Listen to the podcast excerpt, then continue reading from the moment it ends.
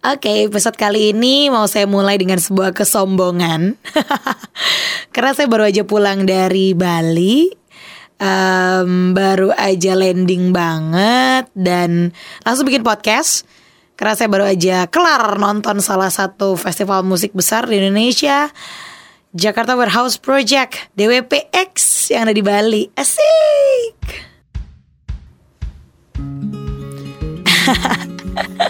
di balik kalimat kesombongan tadi yang pertama gitu ya, aku mau cerita bahwa aku sama sekali nggak ada keinginan atau sama sekali nggak terpikirkan untuk ke Bali. Uh, kalau ditanya kenapa aku ke Bali kemarin, jawaban nomor satu adalah aku mau cari healing time.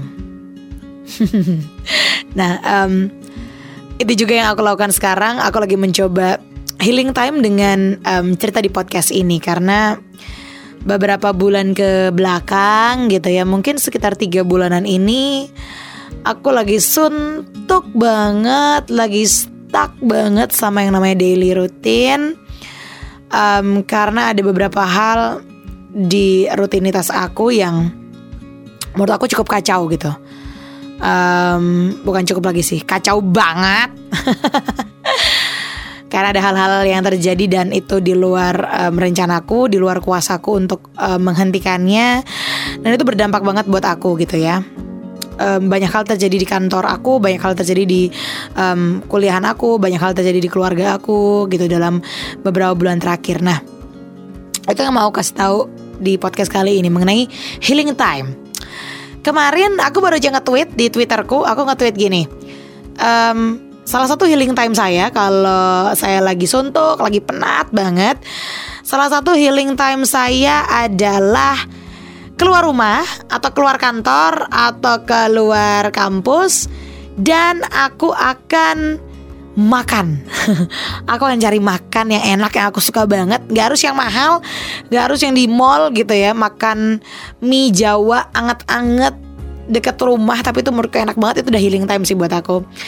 Ya, itulah kenapa ada beberapa orang yang kalau dia stres jadi makin gendut ya. Tos dulu sama saya. Setiap orang punya healing time-nya masing-masing gitu ya. Um, dan beruntunglah kamu yang punya orang terdekat, entah itu pacar, entah itu suami, istri, anak, mungkin sahabat, yang mereka benar-benar bisa jadi healer gitu yang mereka benar-benar bisa jadi orang yang mendengarkan gitu. Karena di tiga bulan ini um, aku stuck banget dan dan dan aku tahu aku harus cerita gitu. Tapi nggak semua orang bisa kita jadikan teman cerita ya nggak sih?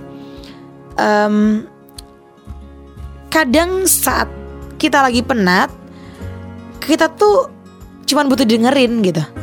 Kita tuh sebenarnya udah tahu jawabannya apa cuman kita pengen cerita dan kita butuh didengerin gitu in other side saat ada orang cerita sama kamu orang curhat sama kamu artinya um, jangan buru-buru untuk motong ceritanya dan kita judging atau jangan buru-buru motong ceritanya dan kita memberi nasihat yang mungkin nasihatnya sebenarnya nggak cocok gitu.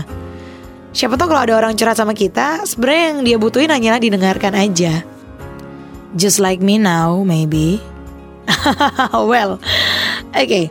Healing time tiap orang tuh beda-beda gitu ya dan cara orang dalam menghadapi masalah itu juga beda-beda gitu.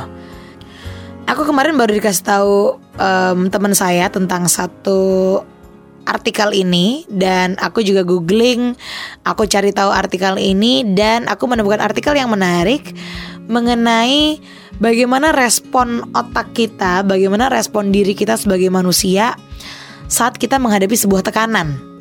Gitu. Kalau ada um, teman-teman yang mendengarkan, kamu orang psikologi atau kamu mengerti tentang ilmu ini, boleh loh kamu komen di situ. Kalau kamu dengerin SoundCloud ya yang bisa komen, kamu komen di situ. Ini benar apa enggak gitu. Respon otak kita, respon otak manusia secara apa ya, secara hewani gitu ya. Kalau kita punya tekanan, kalau kita dapetin tekanan, respon otak kita tuh ada tiga. Freeze, flight, or fight. Oke kita bahas satu-satu ya Yang pertama adalah freeze Membeku, diem Misalnya kalau kamu ngadepin sebuah tekanan gitu um, Misalnya kamu lagi di jalan Dan ada orang mau ngambil tas kamu gitu Maling gitu, mau nyuri gitu Bisa jadi respon kita pertama kali adalah membeku, diam freeze gitu. Karena apa? Karena tekanan itu datang tiba-tiba dan kita jadi bingung mau ngapain gitu. Sebenarnya bisa teriak, sebenarnya sebenarnya bisa lari gitu atau sebenarnya bisa mukul tapi kita freeze gitu badan kita freeze gitu. Sama kayak kalau um, yang lebih ringan lagi adalah misalnya kalau kita nonton pertunjukan sirkus gitu. Respon tubuhku gimana respon tubuhku? Adalah freeze karena itu kayak satu satu tekanan satu yang hal yang baru oh gitu. Dan akhirnya tubuh kita cuma freeze cuma ngangak doang gitu. Itu yang pertama orang bisa freeze. Yang kedua flight terbang pergi ada orang-orang yang kalau dia dapat tekanan dia tuh akan pergi gitu kalau pakai contoh yang tadi, misalnya di jalan kamu mau dimaling orang, sebenarnya kamu takut gitu. Sebenarnya kamu bingung, tapi karena tekanan itu ada, entah dari mana asalnya tuh kamu bisa kayak lari kenceng banget dan kabur pergi gitu. That's flight. Dan yang ketiga adalah respon otak kita waktu kita dapat tekanan adalah fight, bertarung waktu di jalan kamu mau dimaling orang, padahal malingnya serem banget, mungkin dia bawa um, pisau atau apa pun gitu ya. Sebenarnya kamu juga takut tapi entah dari mana kekuatan itu muncul dan kamu berani untuk mukul dia gitu. Itu fight. Nah, kalau kamu lagi punya masalah juga atau kamu lagi stuck dengan um, satu beban pikiran kamu, kamu termasuk orang yang mana nih? Orang yang freeze, cuman berdiam aja, mungkin kalau bahasaku cuma nerimo aja. Ya ya udahlah gitu. Atau kamu orang yang flight? Kamu akan kabur dari masalah itu. Kamu akan cari hal lain cari tempat lain. Yang penting kamu bisa ninggalin masalah itu. Atau yang ketiga kamu akan fight. Mungkin pada awalnya kamu bisa freeze. Mungkin pada awalnya sepersekian detik kamu mau flight Kamu mau kabur. Tapi pada akhirnya kamu tahu bahwa kamu harus berhadapan dengan masalah ini dan harus menghadapi dia.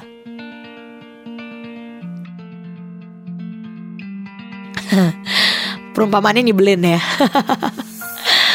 um, tiap orang tuh berbeda-beda gitu dalam tiga bulan ini, tiga bulan ke belakang ini, aku menemukan tipe-tipe orang seperti ini gitu. Aku menemukan orang-orang yang saat dia punya dapat tekanan, akhirnya dia cuma freeze doang, cuman diem aja. Tapi uh, aku juga menemukan orang-orang terdekatku yang um, saat dia punya masalah ternyata dia memilih untuk kabur. Walaupun keputusan kaburnya itu membuat dampak buruk buat sekelilingnya. Atau yang ketiga yang mau aku usahakan aku ingin menjadi orang yang fight dengan masalah ini gitu. Walaupun akhirnya malah curhat di podcast. So aku pengen nanya sama kamu deh. Um, sekali lagi kalau kamu dengerin di SoundCloud dan ini bisa komen di bawah ini di titik ini nih di bagian ini di detik ini kamu termasuk orang yang mana sih? Yang freeze yang flight atau yang fight? Kalau kamu lagi punya masalah. Masalah tuh skalanya beda-beda ya. Um, buat aku yang um, aku masih nyusun skripsi dan aku sambil kerja um, aku mengeluhkan tentang skripsi itu adalah masalah yang besar buat aku gitu. Um, tapi mungkin untuk orang-orang yang umurnya mungkin 5, 6 tahun, 10 tahun mungkin di atasku kayak merasa yang kayak ini masa lalu apa sih Ci? Skripsi doang. Itu mah itu mah gampang. Lo aja yang males. Coba kalau lo buka laptop lo lo mulai ngetik lo bikin jadwal lo bikin timeline kelar kok. Apa dosen bimbing? Enggak itu cuma gara-gara lo aja sugesti lo gitu. Atau kalau hmm, mungkin anak-anak SMA gitu yang Permasalahannya adalah aku bingung aku mau ambil kuliah jurusan apa gitu. Ada beberapa orang yang menyampaikan masalah itu tapi bagi bagi mereka itu masalah yang besar gitu. Atau um, aku beberapa hari ini ketemu sama beberapa teman yang usianya jauh di atasku dan mereka um, cerita tentang masalah mereka dan dan dan aku nggak bisa ngasih masukan apa pun secara verbal karena um, aku belum sampai di tahap itu. Artinya tiap orang punya skalanya masing-masing, tiap orang punya masalahnya masing-masing dan tiap orang punya pilihannya masing-masing dalam um, menyelesaikan masalah itu gitu. Sebuah kalimat yang um, ini selalu aku percaya sih. Aku tuh selalu percaya semesta tuh seimbang gitu. Saat kamu hari ini sedih, besok kamu pasti akan ketawa gitu saat hari ini kamu ketawa besok pasti kamu akan sedih. Makanya kalau orang-orang terdekat aku pasti tahu banget kalau aku lagi ketawa ngakak ngakak banget nggak berhenti berhenti gitu ya misalnya ya.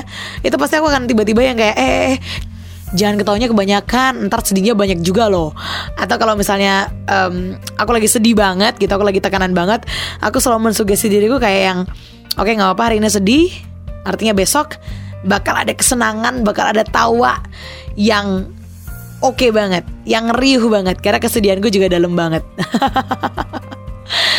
um, semoga itu tertular ke kamu juga dan semoga apa yang aku percaya ini bisa kamu percaya juga bahwa um, kalau kamu lagi sedih, kamu lagi stres, mungkin kamu lagi ngerasa beban, it's okay guys. Um, mungkin kita bakal freeze, mungkin kita punya pikiran untuk flight.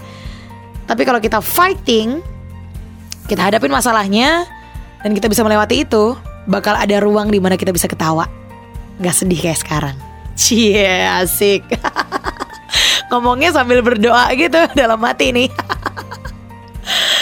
Ya itu dulu buat episode kali ini Episode yang penuh dengan curhat colongan Dan syarat dengan keluhan hidupku ini Semoga gak bikin kamu mengeluh Tapi mari kita sama-sama bersemangat Buat hidup ini Cie Nama saya Cici Priskila Dan sampai jumpa dalam cerita di balik layar selanjutnya